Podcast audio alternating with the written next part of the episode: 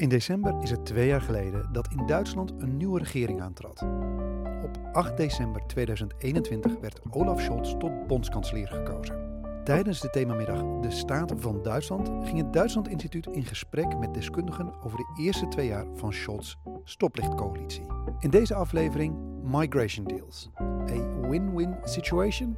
Volgens migratie-expert Gerald Knaus moeten de EU-lidstaten deals sluiten met herkomstlanden over de terugname van afgewezen vluchtelingen en over de reguliere arbeidsmigratie. Daarnaast pleit hij ook voor afspraken met derde landen over het doorvoeren van asielprocedures buiten de EU. Maar werkt dit ook? Hoe kunnen politici op een humane wijze met dit vraagstuk omgaan? Hanko Jurgens vraagt het aan Gerald Knaus. So, welcome you all to the next session uh, with uh, Gerald Knaus, uh, um, the founding member of the European Stability Initiative. Uh, he studied in Oxford, Brussels, and Bologna and taught macroeconomics at the State University at Chernivtsi. I hope I pronounce it well, in Ukraine. Um, he worked in Bulgaria and in Bosnia Herzegovina, and from 2001 till 2004, he was the director of the Lessons Learned unit of the EU pillar of the UN mission in Kosovo. He co authored more than 80 ESI reports, as well as scripts for 12 television documentaries on uh, Southeast uh, Europe and he became a very well-known expert uh, in the Netherlands uh, in 2016. In that sense, that uh, in 2016 there was a, a, a, lot of turmoil, so to speak, about uh, uh, all the uh, Syrian refugees who came over via Greece to Germany, and there was a lot of discussion how to solve this problem. And Gerald Knaus already in September made some proposals how to deal uh, with uh, Turkey and to, to have a, a real arrangement with Turkey. And interestingly, in the Netherlands, Diederik Samsom read this proposal and uh, when the Dutch became the chair of the European Union from January onwards, also Mark Rutte was very actively involved uh, in getting a EU uh, Turkey deal. And since then, we all know that the ideas came from Gerald Knaus and that the Dutch had a certain role in it. And uh, in, in, in the meantime, it is uh, well eight years later or seven years later, uh, and the first question would be. What could be the role of the Netherlands today uh, in uh, the next crisis? Since we're all convinced, perhaps we do not realize it that much, that the crisis is there, uh, particularly if one see the figures. I can tell you the state of the figures today. Uh, in Germany, 1,115,678 Ukraine, Ukrainian war refugees uh, are there now. This, this is uh, registered at 6 November uh, 2023. More than 300,000 asylum applications this year in Germany only. And uh, uh, the state today is that 2,468 people died in the Mediterranean Sea, which is an awful figure, of course. And every year these figures are growing and they are not diminishing. So the question is, what could we do? Well, thank, first of all, thanks a lot for the invitation. It's a great pleasure to be here. Um, I'm superstitious. Every time I come to the Netherlands, I hope something happens, because this is what was happening in February 2016 when this picture was taken with Diederik Samsom. But I'm honestly convinced that uh, if we want to find answers to what is a, a, an extremely serious political crisis and humanitarian crisis at Europe's borders and in our politics, this sense that European leaders have now talked about migration for so many years, and the only person who seems to have a credible answer is Viktor Orban, who's been saying from the start in 2015 that uh, migration can be stopped if you want to, just abandon the idea of liberal values and human rights. That was the speech he gave on the second, uh, on the 4th of September 2015, two days after the death of Alan Kurdi. And what we are seeing at the moment is not only that Hungary has been practicing this, in Hungary, the right to apply for asylum has been abolished. So last year there were 40 asylum applications in Hungary all year, 40 in embassies, because you can't apply for asylum in Hungary. It was just abolished by national law, which of course is illegal. The European Court of Justice said it is illegal, but Orban doesn't care. So the judgment is not implemented. The result is last year 40 asylum applications in Hungary, 109,000 in Austria. 109,000 applications in one year in Austria, which is not at the border, and most of them come through Hungary. So Orban says to all of his friends, the Austrian far right, the German far right, of course, he's The expecting Dutch far right the Dutch well. far right, the French far right, and he's looking forward to Trump returning to the White House. He's saying to everyone, migration is a war, it's an invasion, and you can stop it if you only abandon the idea that you can do it respecting human rights. And what we've seen in the last few years is centrist parties, center left, center right, liberal, greens, making one proposal after the other, saying, no, we can somehow control, reduce, manage migration. Um, and all of these proposals have, or almost all of these proposals have failed. And now we are in a situation to talk about Germany just for a second, Uh, ev- three quarters of an hour. well, or Yeah. well, just uh, yeah, ex- exactly. Let's focus then on Germany, but where at the moment in every one of the of the new Eastern, well, not that new Eastern Bundesländer, the states in the former East Germany, in every single one, the AfD is number one in the polls. Above 30% in Brandenburg, Thuringia, Saxon-Anhalt, Saxony, and Mecklenburg-Vorpommern. It's second nationwide. And that's Germany. In Austria, the far right is number one for the last year. And those far right parties are identitarian parties. They are not moderate, they are openly pro Putin, they are openly about abandoning the European Convention on Human Rights. If I may ask you, um, one of the problems is that these parties have very simple answers. Yeah. And uh, the problem is very complex. So, uh, how to solve uh, this crisis? Uh, we really need to hear stories by experts like you uh, who have an overview and who really, uh, well, have a sort of idea how to solve these uh, these problems. And uh, there seems to be a sort of cleavage between what experts say on the one hand, and uh, we've got many also in the Netherlands. Some uh, Hein Haas is one of them, and, and, and Ruud Koopman. So there are many experts who, who say something. Eh, and on the other hand, the politicians who uh, can sell easy solutions very easily. But how could we, could, poli- could politicians perhaps sell this much more complex solutions? And what are you doing to how, how do you work with that? I understood that uh, you were very busy last week, uh, amongst others, uh, having visited our Ministry of Foreign Affairs, uh, but I have also talked to many politicians to have, well, to, to propose new ideas. Well, obviously, experts like to think that experts matter, but the stories we tell don't matter. What matters is what politicians do in the end. And they have the mandate, and it's only when politicians act in a way that produces results that publics get a sense of confidence. Uh, wh- what is dangerous is to make lots of promises, to talk a lot about migration as a huge crisis, and then have no answers. And this is what we've seen. I mean, not just uh, not just in the center. We've seen it in Italy with with Giorgia Meloni. You know, since she's become prime minister, the number of people arriving has increased a lot. So the challenge, I think, really is that the far right has simple answers. And the problem is, and I, I think a lot of liberals or a lot of human rights activists or refugee rights activists, or indeed centrist parties, get this wrong. The simple answers of the far right work. I mean, Orban reduced asylum applications in Hungary. In Israel, there are no Syrian refugees. Why? It's a neighbor. There's a border. There are Syrian refugees in Lebanon, in Jordan, in Turkey. Because when you put soldiers at the border and say you're prepared to shoot, people can't cross. If you are desperate, you really need to leave. But there is a soldier at the border, you will not leave. Look at Gaza and the Egyptian border, right?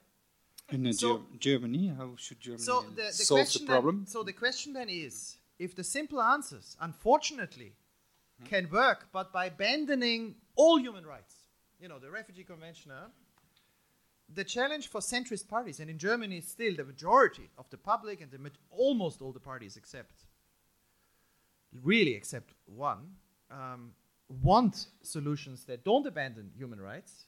The challenge is what can they do to prove, not in 10 years, but, but quickly, ideally now before the European elections, that there is an alternative to have control at borders without putting soldiers there and abandoning the conventions. Okay, so, a- as a simple observer, I would say um, uh, Nancy Faeser proposes now to deport uh, uh, asylum seekers who, who uh, don't have rights quickly or uh, to back to their country, and we have an EU migration pact. well, So these two solutions uh, are there, but Well- you're but you are not satisfied. well, Not okay, at all. wha- what we what we can start ticking off is all the fake solutions, all the things that are being proposed that will not work. Yeah. or that are crucial but not in the way they are understood. So, okay, very simply, and if anybody wants to know more, we can go into detail. I mean, the European asylum reform is completely useless. What But it's it's the topical debate yes, but in I Brussels know, I today. don't know a single minister of interior in Europe, and I talked to a lot of them, that off the record still believes it will make any difference. Which I was just in your in your in the Hague today, and I've had three meetings in the Hague with your ministries. I talked to the Austrian Minister of Interior yesterday in Vienna. I'm talking to the Germans. I talked to the Swedes last week. When you ask ministers of interior how will the EU asylum reform, if it is adopted as proposed now, make any difference in the Mediterranean, they can't tell you because it- they it- don't address the key question, which is if people arrive this year 150,000 in Italy, what do you do once you decide, and this is the reform, mandatory quick procedures at the border, and then you find out that of the 50,000 West Africans who come this year, most don't get protection, but you can't return them. Italy last year returned 200 people all year to all of sub-Saharan Africa. 200, right? So 50,000 come this year with boats. The EU will then decide, ah, Italy, you need to make fast procedures. Germany is very much in favor of this. Uh, but Italy will make the fast procedures for a few thousand and not at the border. The law doesn't require them. They can do it in Milan or in on the border with Switzerland in open centers, and people will just continue like they have for the last few years to move on. But so the in, EU in- asylum in reform, practice, the, the EU asylum reform will be presented in, I think, April next year uh, as a success, probably by the politicians, and you say it's a failure Well, already. It, well, it's a, it's a, it would be a huge And then- mistake, and I tell, Yeah. I tell all the German politicians, and by now I know that, you know, I, I had conversations off the record with party leaders in Germany, who who tell me that we know what we are now discussing will not make any difference. We Okay. know, right?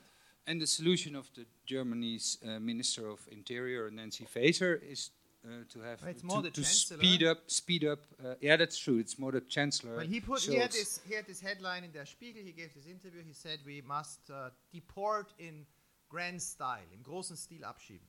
And speed up the Yes, process up. of deporting. And then a, a law was passed with a lot of changes that are supposed to make deportations of those who have been rejected for asylum or who have to leave the country, two different groups, to make this easier. And that law was passed.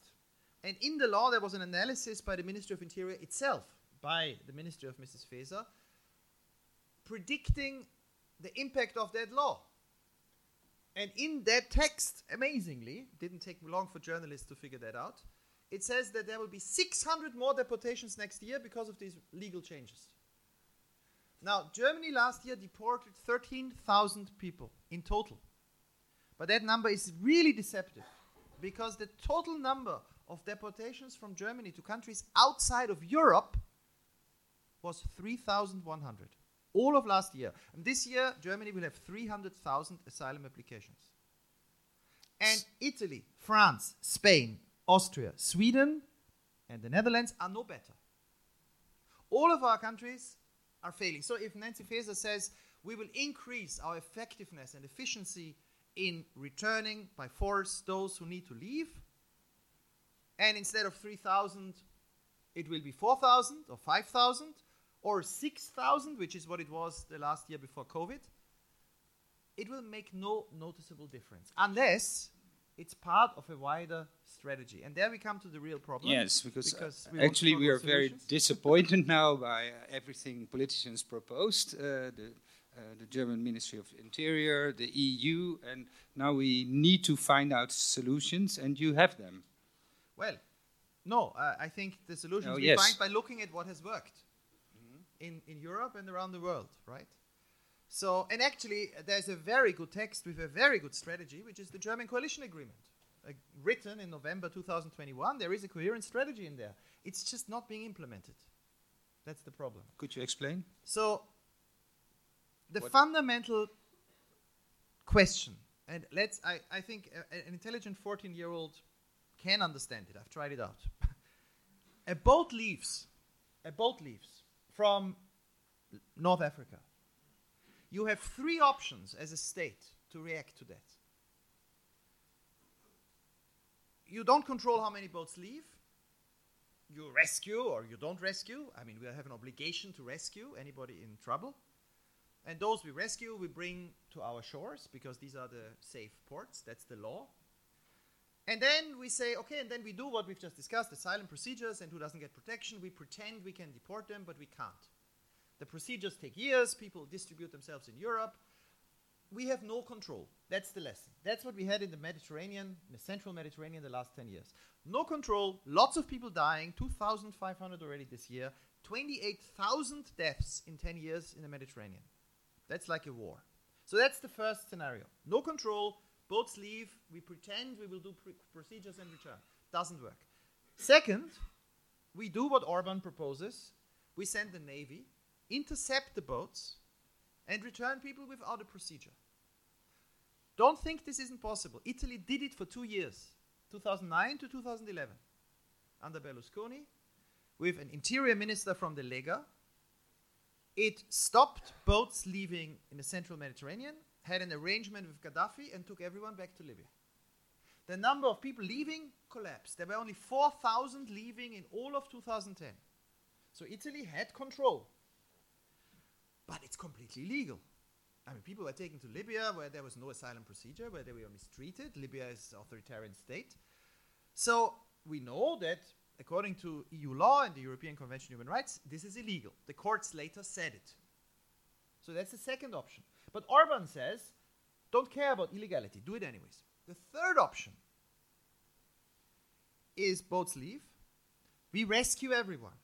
Our goal is that nobody drowns. So we put more rescue boats. We take everyone for registration to a safe port, which isn't Libya and it isn't Tunisia. But then we have a safe third country where we say the asylum procedure from a cut-off date, where we say the asylum procedures can take place. And if you arrive irregularly, we will rescue you. The country must be safe. You have access to a protection procedure, but you will not automatically stay in Europe. That was the Australian solution 2001 and 2013.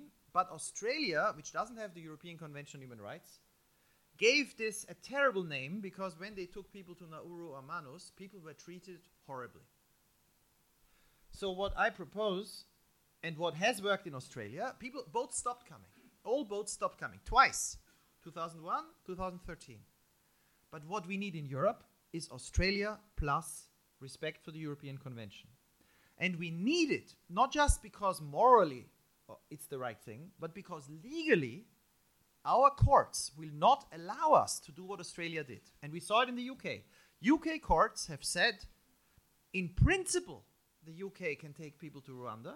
Rwanda is ready. They were prepared. They signed an agreement. They said, we will take care of everyone. In principle, the court said you can do it. But the country must truly be safe. And in Rwanda, the court said it's not yet in a position to assess asylum claims fairly. So this is the three options. No control, that's the status quo. Orban's control, which is pushbacks and force and ignoring the law, which is the end of all the conventions. Or agreements with third countries where we protect the right and access to asylum. I challenge anyone to think of a fourth option. If we want to stop irregular arrivals and deaths at sea, Yes, but it's very clear that you're proposing the third option. no, of course. and and that you And that's what but- the but, German uh, government says too in its coalition agreement. It says we want to reduce irregular migration. That's twice in the agreement. And we want to increase regular migration. So what you can do, and they want to do it through, you can only do it with partnerships, migration agreements, which means you go to a country and say, basically, it's Canada in a big style. You go to other countries and you say, we are offering you Senegal, legal migration for Senegalese. You can apply. Germany is ready. Germany wants labor force. It's different from the debate in the Netherlands. In Germany, the government and the opposition is in agreement. You want organized migration. So when you go to Senegal and say, listen, every year a few thousand people, 10,000, 5,000, whatever, can apply to work. But in return, you take people back. And now the big debate and the big change in Germany in the last two months is on the safe third country principle. Because in the coalition agreement, the government said, the three parties, I- was invited to the coalition talk, so I, I saw how they were discussing. They said, we want to examine if you can have asylum processing in a safe third country in compliance with the European Convention on Human Rights and the Geneva Refugee Convention. It says we want exceptional cases. So this is in the agreement. The Greens, the Liberals, and the Social Democrats agreed. But then they did nothing for two years. Uh, a few weeks ago, there was a meeting of the 16 federal states and the government, and they agreed on a new strategy where they said, the government and the 16 federal states with all the different democratic parties, Germany will examine now how processing asylum claims in safe third countries can help reduce irregular migration in line with the conventions. So I had a conversation this week with the again with the senior people in the Ministry of Interior, and they are now saying, how do we do that? So we and where are these safe havens? In Egypt or no, well, actually, the, the- we have three problems with safe third country solutions. Mm-hmm. I mean, the first one is that it's practical. Can one do it? And a lot of people doubt it. They say, look at the Brits. You know, they agreed with Yeah. Rwanda, it doesn't work. Practically, people doubt that it can be done. We have the legal problem. Is it legal? Does European law allow it? Will it be tied up in courts? Which is a good thing. I'm not against courts defending the rights of everyone. But can courts ever agree? And the third problem, I think, is a political one it's moral. And I'm sure in any group that takes part in these debates because they are interested in Europe and basic core values, there'll be a lot of people who say, Isn't there something morally wrong? Even if it's legally right, even if it's practical, isn't there something morally wrong with Europe bringing people to another country and dropping them there? This image of externalizing the issue. So that's why I recommend at the moment, and I've been going around the last two weeks, including in The Hague. Of course, you don't have a government, but perhaps your parliament takes an initiative. you still have a government? Well, you have a government, but it, Yeah, yeah. I, I've, I've been explained that it can't take new initiatives that No, are not already true. agreed. And no, but I, I, I will also explain that your parliament can take steps. Hmm. But of course, what I'm proposing is that we, we show how safe third countries can work this winter. And we show it where it is most obviously easy between European countries in the channel. So what do we do? Rishi Sunak is under enormous pressure. He's promised to stop the boats, he can't. Now he's made a great new agreement with Rwanda, where even the people that will be deported from the UK, Rwanda says they can stay even if they're rejected. There will be no return to, a to another country. So refoulement, the fear that a, an Afghan is taken to Rwanda and then will be moved to Afghanistan, that's, that's now off the table. Rwanda says everyone you bring, because they expect, rightly, otherwise it will fail, you bring people there, it will stop, people will stop going. But it will be tied up in the British courts for the next one and a half years, still. Germany, Denmark, and Austria, let's just take an example, and perhaps one or two others, now offer to the UK, we take everyone from the 1st of January, anybody, everybody who crosses the channel, we are safe third countries for you.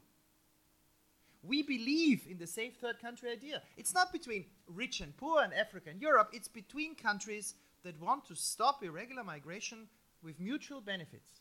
So, Germany says, and how many would that mean concretely? In, in winter, 1,500 people cross the channel a month. Last winter, this winter, it's pretty stable. So Germany will take 700 people the first month, 300 people the second month, and then it will stop. Because why are people that are already in the EU, that are now in the EU, why would they risk their life and pay thousands of euros to smugglers when they know that a week later they are back in the EU? In return, the United Kingdom needs to offer legal routes. So people who are now in Germany or the Netherlands or who have a real interest, asylum seekers or recognized refugees who want to go to the United Kingdom, the United Kingdom every year takes 20,000 people. If we show, and Germany, and my, my hope is that this is how the German government answers the question from, Mar- from November. We will examine if it can be done, examine it in Europe, and prove to your own public, to all the skeptics, that it will reduce irregular migration quickly, it will not involve any violation of human rights, and it's mutually beneficial. You transform the debate on safe third countries in one go. And then there is another advantage, which means the whole investment the United Kingdom has made in Rwanda, they don't need. The hotels that have been rented, the preparations, the, the settlement that is, is being constructed. And then you go and say, all right, let's do a pilot project for the central Mediterranean to stop the deaths between Tunisia, Libya, and Italy. And that you do after you have solved the problem in the channel. So, what we need to do is to show a skeptical public that has heard so many promises, so many bad ideas, And so many complex solutions. so many complex solutions, Yeah. that in fact we can reduce numbers without violating rights. And we prove it. And the only reason, I mean, one reason that uh, people still talk in the German coalition agreement, they refer to the EU Turkey statement, is because what people saw there was there was a statement on the 18th of March, and in the 12 months before that statement, a million people came, and in the 12 months after that statement, 26,000 people came, 2.6%. And it was a press release, it wasn't even a treaty. And Turkey did not send a lot more guards to the Aegean. But when the first few hundred people were returned in April 2016, the number of people getting into the boats dropped like a stone. That's happened in Australia, that's happened in the Aegean, that's happened between the US and Cuba 1995. So, what we need to do is with few returns, because returns are difficult, without violating rights, show that by having a world with more safe countries, and my question to skeptics is always do you want to tell me that there will there is not now and will never be a safe country for refugees outside of Europe and North America? Do you really think African countries that want are incapable of being safe for a few thousand refugees? No, that's a stupid argument.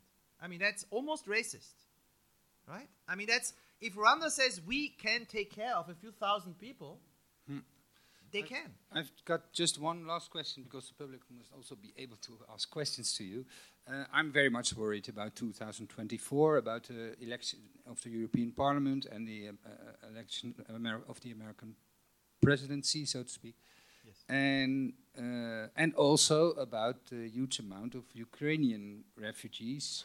Uh, if the war there uh, does not uh, work out well, uh, there could be much more Ukrainian refugees uh, coming to Europe as well.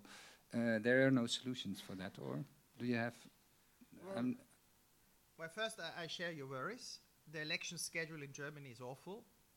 You first have Yeah. the European parliamentary elections, which often are protest votes, and then you have three states where the AfD might win each of the states. So we might next year see the AfD come second or first in most or all of these elections. So imagine the shock. I mean, the mm-hmm. SPD at the moment is at the three parties together, SPD, Greens, and Liberals together, are the size of the AfD in the opinion polls. in the eastern countries. No. countries. No. At this moment, no. well, the three coalition parties, I just saw the polls mm-hmm. today, the three coalition parties together are where the AfD stands. okay. The, I, the SPD is now, I, I don't think so. 10, 12%. I, I actually have it on my phone. I just, Oh, well, because, doesn't because matter. Leave it. We don't have latest so much poll time. from today. I think So- you, I, so I think you mean in Saxon or in. No, uh, no, no, no. That's the. That, But it doesn't know, matter. that used to be the case. Yeah, yeah. No, actually, let me let, let me be very precise because that is important. Yes. Here, here you have it. So, last opinion poll: AfD 25 percent, CDU 24.5, but the CSU, which is 6.5, you must add to this. So then you Yeah. add 31 percent. The Greens 12, SPD 10, Liberals 3. That's from mm. this morning. Okay. Then. So I mean, it's pretty serious, mm. and this is with with another half a year where there might be no control on irregular migration, and as you say, more refugees from Ukraine. But let me say something about the Ukrainians, and and it's a sen- gen- Just gen- there's yeah, a general point, and then we go to the specific. The general point is all of our societies, all democracies I've ever studied, have this bizarre, but it's very human reaction that small numbers of irregular migrants are a big issue, while large number of regular migrants are a much smaller issue. Take migration societies like immigrant societies like Canada, Australia. Australia, you had an obsession with small numbers coming in boats. But it, it's an immigrant society. Australia takes in lots of immigrants. It took in 140,000 Vietnamese organized through resettlement. That was not a big issue. But a few thousand a year coming with boats are a big issue. Determine the elections. Canada, which takes in half a million people each year, economic migrants, is obsessed about irregular migration. It concluded a very tough agreement with the US this year that anybody who crosses irregularly will be returned to the US.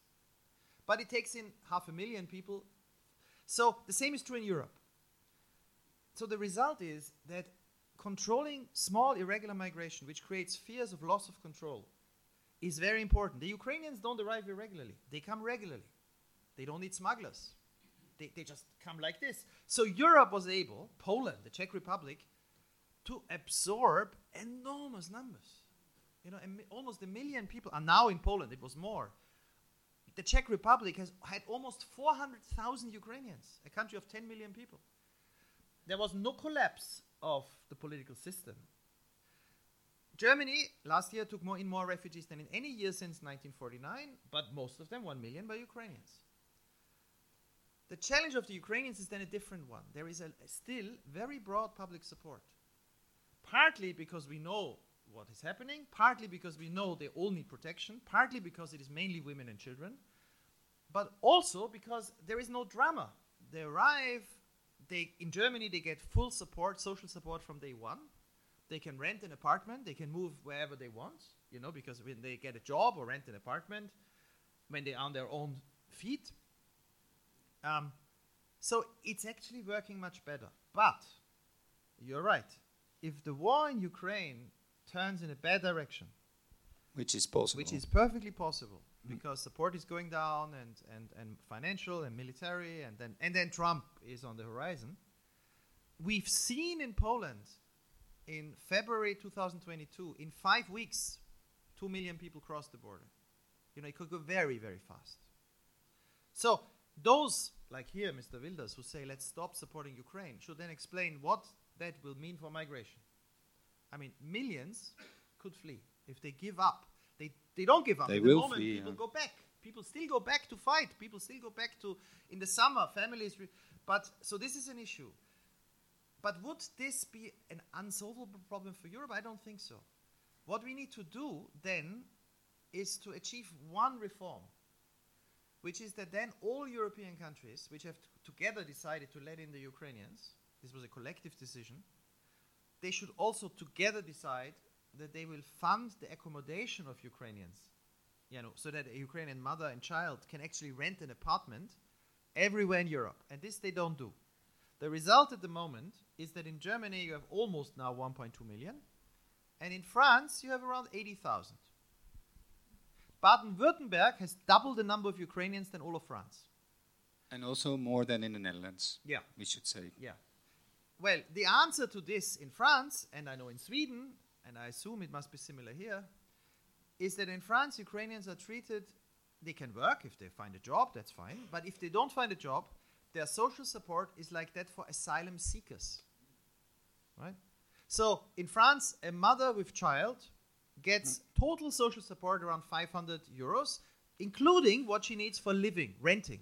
So to summarize, you, Germany- we needed a European solution. Well, we need no, we need just an agreement among states that if there is a large large number of more Ukrainians coming, the European solidarity we really Yeah. need is that France has at least as many Ukrainians as the Czech Republic, and that will only be possible if it if it supports the Ukrainians who come so that they can live in France not as asylum seekers where they never get a decision because there's no asylum procedure, but that they can actually live like recognized refugees.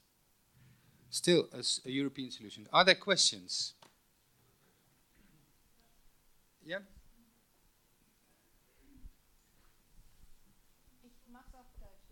Ja? Gerne. Haben Sie ein Mikrofon? Können, können, können Sie die Mikrofon geben? Nein, sehr gerne brauchen Sie die Mikrofon, ja. Mein, ja, ähm, meine Frage ist, ob Sie glauben, dass also größere Mengen von äh, Geflüchteten von der Bevölkerung akzeptiert werden, damit zu tun haben könnte, äh, dass das Narrativ der Politiker anders ist.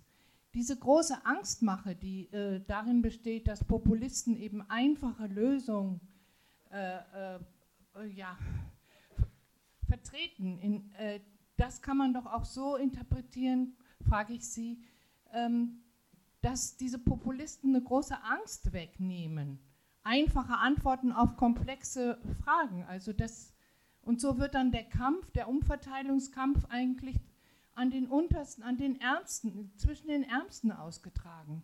Und wenn die Politiker anders kommunizieren würden und sich nicht so, also wirklich das, was wahr ist und nicht das, was, wenn Sie erzählen, dass äh, Politiker Ihnen gesagt hätten, dass, äh, äh, dass Sie wüssten, dass die Programme scheitern, das ist doch, das ist doch fürchterlich. Also insofern muss, müssen vor allem die Politiker aufhören mit dem Angstmache-Narrativ, finden Sie nicht? Okay, dann haben wir noch eine Frage hier vorne. Und dann später noch eine Frage, ja. Uh, yeah, thanks for the very interesting solutions you offer. I was wondering, do you think that if um, the UK would start sending people to Germany, that that would stop people from trying to reach the UK? Or because it seems like, you know, people are, are trying to reach a safe country, so they might as well accept Germany instead of the UK. Or did I understand that? Right, They are already in a sa- they leave from France. If they wanted to go to Germany, they could go to Germany instead of getting in a boat, right? They are in the European Union already, those who cross to the UK. So that's the difference. That's what's so bizarre. We have more people leaving Europe with smugglers to the UK than leave Africa last year to all of Spain. I mean, we are actually a continent where we have smugglers operating on our soil with impunity, earning a lot of money, taking people out of the EU. And we watch it, and we then go to our other neighbors in other continents and say, hey, you need to stop people, you need to take them back. But anybody who reaches the UK at the moment, the EU's position is it's your problem. Well, it's a variety of things. I mean, partly it's people who are even sold a ticket in Iraq. We take you to the UK. You know, they are being sold in the UK. It's easiest. You can't be returned. Uh, with English, if you have some English, you can find a job, etc. Sometimes it's people who have some personal reason that they think. Sometimes it's just. and I mean, I, I've talked to quite a lot of asylum seekers and, and, and irregular migrants, and it, it's sometimes just an idea. You know, I don't know. Some people decide. My daughters decide they want to study in England or in the Netherlands, or and some people just have this idea. The UK is a place where I can be successful, and sometimes it's family. They think you know they have relate dif- distant relatives, or so it's a variety of reasons. Which is why part of such a solution has to be legal legal opportunities for those who are already in Europe to apply also. Everyone would win. And the, the question about uh, the complex narratives. And Yes. I mean, I'm a bit skeptical about arguments that politicians must just communicate better. I mean, I think in substance, they must offer solutions, and then, because they are not pundits or journalists or think tankers, implement them. And the solution should have an impact. That's the difficulty. You know, you've had very different communication styles in the last few years. You know, you had Sebastian Kurz, I talked about him, in Austria. So in Austria, you had a, a politician who built his career on talking like Viktor Orban. I will stop everyone at the border. We want to have zero asylum seekers. You know, there must be ugly images, he said, hässliche Bilder at the border. You know, that was Sebastian Kurz. But you realize something bizarre. In the four years in which he was the dominant politician in Austria, per capita, Austria gave more protection, positive asylum decisions, than in any other European country. Why is that? How can it be? He talks like Orban, but the number of asylum applications are high, the number of protection is even higher. It's because Austria, under Sebastian Kurz, remained a state based on the rule of law. So the institutions just did what the law says. He talked like Orban, but the courts, the asylum procedures, the people in his Ministry of Interior, I know the civil servants, they tell me, you know, if a minister tells me to break the law or the constitution, I wouldn't do it. This is why Austria, like Germany, totally different communication, have very high numbers of asylum applications, the highest. Austria higher than Germany per capita, and high numbers of protection given. So politicians that are then attacked by the far right, you don't have control. For a while they can pretend like Kurz or in Germany they try to play it down. They didn't try to make it a crisis for years. But eventually there needs to be some solution when they say, well, we have a policy that might control it. And, and that's where I think we get to the real problem. That when we discuss fake promises of mass deportations, which will not happen, fake promises of European solutions, which will not happen, fake promises of closing internal borders, like Austria Hungary or the Balkan route, which didn't, didn't work. With the fake promises, the politicians of the center make themselves vulnerable to the Orbans because Orban can say, look, I have reduced applications. And he's right. One last question. Uh, okay, two, but only after each other, and a short answer, please, Okay. because we, we, we are out of time. Two last questions over there. But first, uh, gentleman over there. Yes. Yes, thank you very much for your very insightful analysis. I just have one brief uh, question regarding Rwanda or the Rwanda model. Uh, you gave an example of, um, if, if, I'm, um, if, I'm, if I may repeat this example of an Afghan refugee who ended uh, up in Europe and then he gets deported to Rwanda. And um, my question is to this, this link. Um, so, in terms of moral perspectives and in terms of legal perspectives, so even if Rwanda is in a position uh, to really offer uh, that person um, a stable life, that Afghani person probably never set foot before on Rwanda, so he probably came, I, I assume, via uh, uh, maybe Turkey or another country, uh, but not Rwanda. How so? How's your perspective there? Uh, there? How's your analysis there from a, a moral and legal perspective? Thank you. Okay, and the last question was over there. Yes, I also write for the Kiev Post, and I have a question because uh, this week the Republicans in the Senate blocked the aid to Ukraine, and the reason was uh, if you don't give us what we want, we will give Putin what he wants because uh, the whole uh, situation in Ukraine is now dependent on the southern border, the mi- migration from the, the on the southern border. And I want to ask you, does your solution also apply there in the United States? All right. So first on on Rwanda and the moral dilemma. I mean, the it's very interesting what what the British court said. Right. The, there were now two court decisions, Court of Appeal and Supreme Court this year, and what they said. Um, the purpose, if, if an asylum seeker will not face persecution or refoulement, which means being taken to a country where they are not safe, to in, in the country to which they are returned, they will have received the protection which the European Convention and the Refugee Convention are intended to afford them. So what they say is that the Refugee Convention, the European Convention, does not include a right to migration. It includes the right to a safe country. And in fact, this is what UNHCR said for decades as well.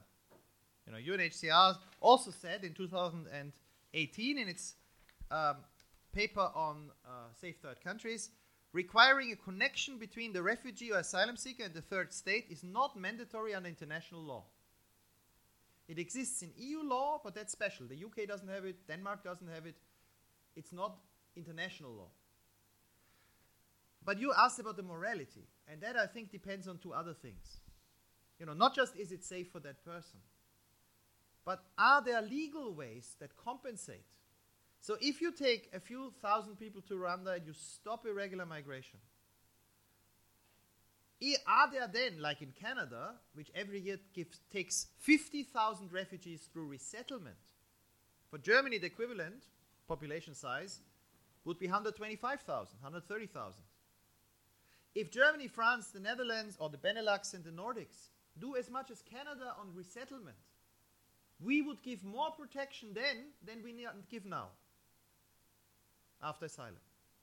So the morality for me depends if it reduces deaths, if it reduces politically toxic irregular migration, and you then have the political consent in at least some countries to resettle people so we are not disappearing from the refugee protection system, then it is morally superior. Okay. The last question? On Ukraine, well, I, honestly, I think the Republicans are playing a very dirty game. They know that Biden cannot quickly control anything at the Mexican border. Just to put the numbers in perspective, and this is interesting for Europeans. Every month now, about 200,000 people are intercepted at the US southern border. So, in some months, it's even more. So, roughly, what you've got is the total number that crossed last year to the Medit- in the Mediterranean from Africa and the Middle East is equivalent to one month of interceptions at the Mexican border. Biden has actually returned a lot of people without any asylum procedure under this uh, law on pandemics, which Trump introduced, saying that in the pandemic times we can just return you without checking. Biden returned hundreds of thousands each year under this law, but it's no longer in force. Trump promises to bring it back. He says, I will just use not COVID, but um, some other illness. I mean, this came out three weeks ago in the New York Times. His plan is to abolish the right to asylum, claiming that US law allows it. So Biden will not do that. The Democrats are really split on this issue. I fear he has completely failed on migration. So what the Republicans are trying to do, they, they don't, those who argue like this don't want to support Ukraine. And then they're looking for an excuse to make it even politically more costly for Biden. Because they know he cannot quickly stop irregular migration politically and practically at the border with Mexico. Again, we have a very complex problem here. Uh, which So should be solved. Yeah. Thank you very much.